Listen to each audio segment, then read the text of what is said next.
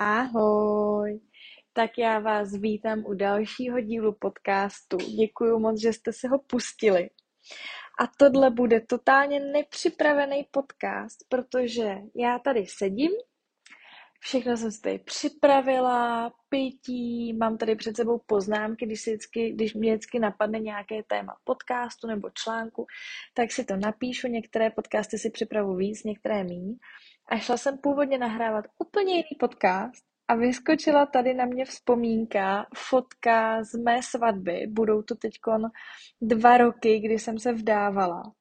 A mě to úplně vnuklo myšlenku na nahrání podcastu o tom, jak se, jak se vlastně připravit jako nevěsta uh, na ten den uh, právě související jako s make-upem, na co se dá třeba pozor, nebo triky ode mě, co si třeba sebou vzít v ten svatební den a tak. Prostě typy od vizážistky na svatební den. Takže nemám tu žádné poznámky, takže doufám, že na nic nezapomenu, ale, ale říkala jsem si, že teď vlastně začíná svatební sezóna, takže by se to mohlo krásně hodit. Já už líčím nevěsty nějakých pět let, no, asi to bude pět let, co líčím nevěsty. Miluju tu atmosféru, vždycky je tak krásně nervózní ten den, ale tím, že já už mám teď dva roky i svoji zkušenost, tak to můžu jenom potvrdit, i když jsem uh, už těch pár svatebních dnů zažila u jiných, tak stejně ta nevěsta je vždycky lehce nervózní a je to naprosto normální. a já tady nechci mluvit o tom, jak chystat svatbu, jak ji připravovat, jak ji plánovat, protože nejsem svatební koordinátorka a jasně, když by vás to zajímalo, tak se můžeme třeba někdy pobavit uh, o mý svatbě, ale, ale teď fakt chci mluvit čistě z hlediska toho make-upu, První, co určitě, tak jakmile budete mít termín svatby, tak určitě hnedka, mimo jiné, uh, si zajistěte i vizážistku. Většinou první, co tak zajišťujete termín, místo, uh, potom vlastně kadeřnici, vizážistku, um, co tam ještě bude úplně to nejdůležitější. No určitě nějaký jídlo, pokud to není v rámci toho místa. Uh, a, a šaty třeba na ten den a kitky. Prostě takový ty úplně nejzákladnější věci. Tam jde o to, že vy, když si vybíráte tyhle ty služby, tak samozřejmě chcete pro ten váš den, abyste byla s tou službou naprosto spokojená. To znamená, potřebujete si vybrat uh, člověka, který vám sedne nejenom pracovně, ale i lidsky ideálně. A pokud prostě víte, že chcete zrovna tuhle vizážistku, tak si ji zarezervujte co nejdřív. Já samozřejmě ještě třeba nějaké uh, termíny na léto mám, ale, uh, ale zpravidla prostě uh, kolem třeba, kolem třeba už letních prázdnin otevírám termíny na další sezónu. Nebo prostě pokud mi někdo stalo se mi, že, že mi někdo volal jako v březnu, že na příští rok, na srpen už má, už má datum a jestli si mě může zarezervovat, takže jsem samozřejmě řekla, že jo, že sice ještě nemám diář na příští rok, ale, ale že už si to píšu a budu s tím počítat, protože já i pak podle svých nevěst plánu dovolenou, po, protože většinou jako dovolenou, uh, když tam mám třeba ty úplně nejdůležitější nevěsty, tak si právě naplánu mimo, mimo ně a pak už samozřejmě, když, uh, když mi nevěsty volají třeba tři, čtyři měsíce dopředu před svojí svatbou, tak už je hodně málo pravděpodobný, že ten čas mít budu. Třeba jo, třeba jo, třeba jsem tam původně chtěla nechat volný víkend a a nakonec teda řeknu, že, že to odlíčit půjdu. To se taky děje, protože prostě já ty nevěsty miluju a, a miluju s váma ty vztahy a oh, neumím říkat ne. Ne, umím, ale, uh, ale stát se to může, ale říkám, je to málo pravděpodobný. Takže určitě čím dřív ten termín, tím líp. Potom se určitě připravte na to, že bude potřeba zkouška, zkouška make-upu, uh, pár nevěst vždycky ukecává, jestli ta zkouška je potřeba, protože za mnou třeba nechtějí přijet do Prahy do studia, nebo ne, nechtějí, ale, ale je to pro ně třeba další strávený čas uh, a tak. A já určitě bez zkoušky nelíčím a doporučuji to všem, jak vizážistkám, tak nevěstám, bez zkoušky ten svatební make-up nedělat. A to úplně ze prostého, uh, z jednoduchého důvodu, protože ten den ta nevěsta je opravdu nervózní, i když je to taková ta krásná nervozita, tak uh, má v hlavě tisíc myšlenek o tom, jestli všechno klapne, jestli se nic nepokazí, jestli všechno dojede včas, jestli přípravy se stihnou, uh, jestli rodina se nepohádá, jestli jí to bude slušet a podobně. A to poslední, co chce řešit, je, že neví, do čeho jde, jak ta vizážistka líčí, eh, nebo i když ví, jak líčí, tak, eh, tak prostě neví, jak bude v reálu vypadat. A není to dobrý ani pro tu vizážistku, ani pro tu nevěstu, protože kolikrát třeba ty nevěsty mi přinesou fotku make-upu, který chtějí namalovat. A já jim ho na zkoušce namalu, ale ta fotka to líčení je na jiné modelce. Eh, zpravidla je to vyretušované a vypadá to jinak, než konkrétně třeba na vás, na té nevěstě. A ačkoliv vy jste přesvědčená o tom, že přesně ten make-up a tyhle barvičky chcete, tak když to pak na sobě vidíte, tak třeba zjistíte, že se v tom úplně necítíte a začneme to měnit. A na té zkoušce je na to prostor. A neznamená to, že ten make-up by byl špatný, nebo že by vám třeba neslušely ty barvy. Ale jednoduše vy se v tom nemusíte cítit, ačkoliv jste si myslela, že jo.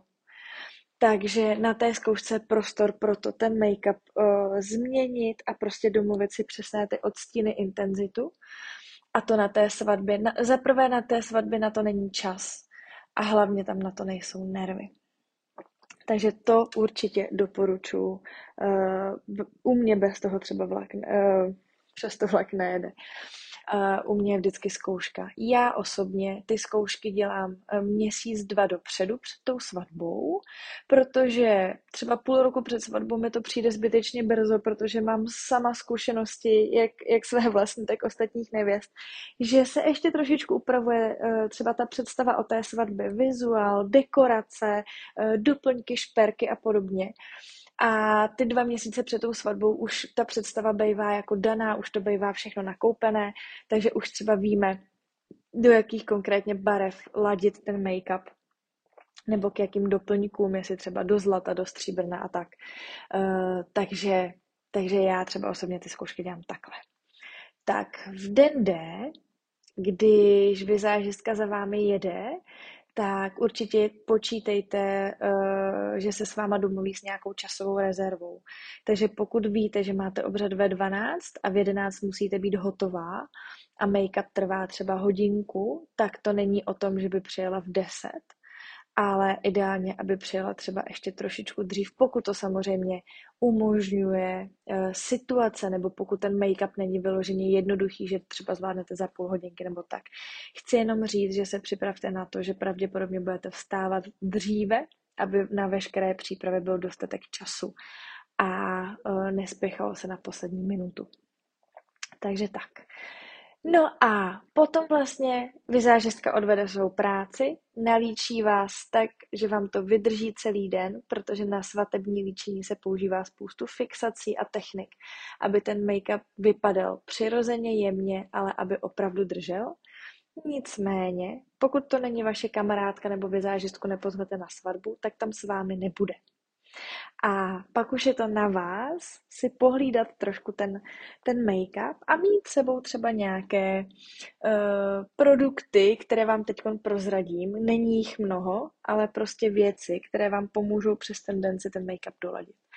Takže jak říkám, ten make-up by měl vydržet určitě celý den. Stíny, obočí, uh, to určitě vydrží. Eh, nicméně, co já doporučuji mít sebou na svatební den, tak jsou ubrousky pohlcující masnotu, protože pokud nemáte vyloženě vysušenou pleť, tak je dost pravděpodobné, že bude teplo, budete tancovat, budete nervózní, budou tam lítat emoce a budete se, uh, budete se lesknout. Budete se lesknout, což nikdo na fotkách nechce, aby se lesknul. Takže, uh, takže určitě ubrousky pohlcující masno, tu stojí pár korun, buď se je můžete objednat přeze nebo někde najít na internetu a, uh, a prostě mít je sebou v kabelce, třeba světkyně. Takhle jsem to měla já. Takže to je jedna věc. Uh, druhá věc, uh, pokud uh, víte, že se třeba více lasknete, více potíte a nestačí vám ty ubrousky, tak určitě doporučuji pudr, kdy se vlastně přepudrujete a nejenom, že se přepudrujete, ale pokud ten pudr má aspoň trochu krycí schopnosti, tak vám vlastně třeba na večer dotvoří lehonce ten make-up. Potom určitě co, s čím počítejte, je, že se vám smije rtěnka. Určitě se vám smije rtěnka.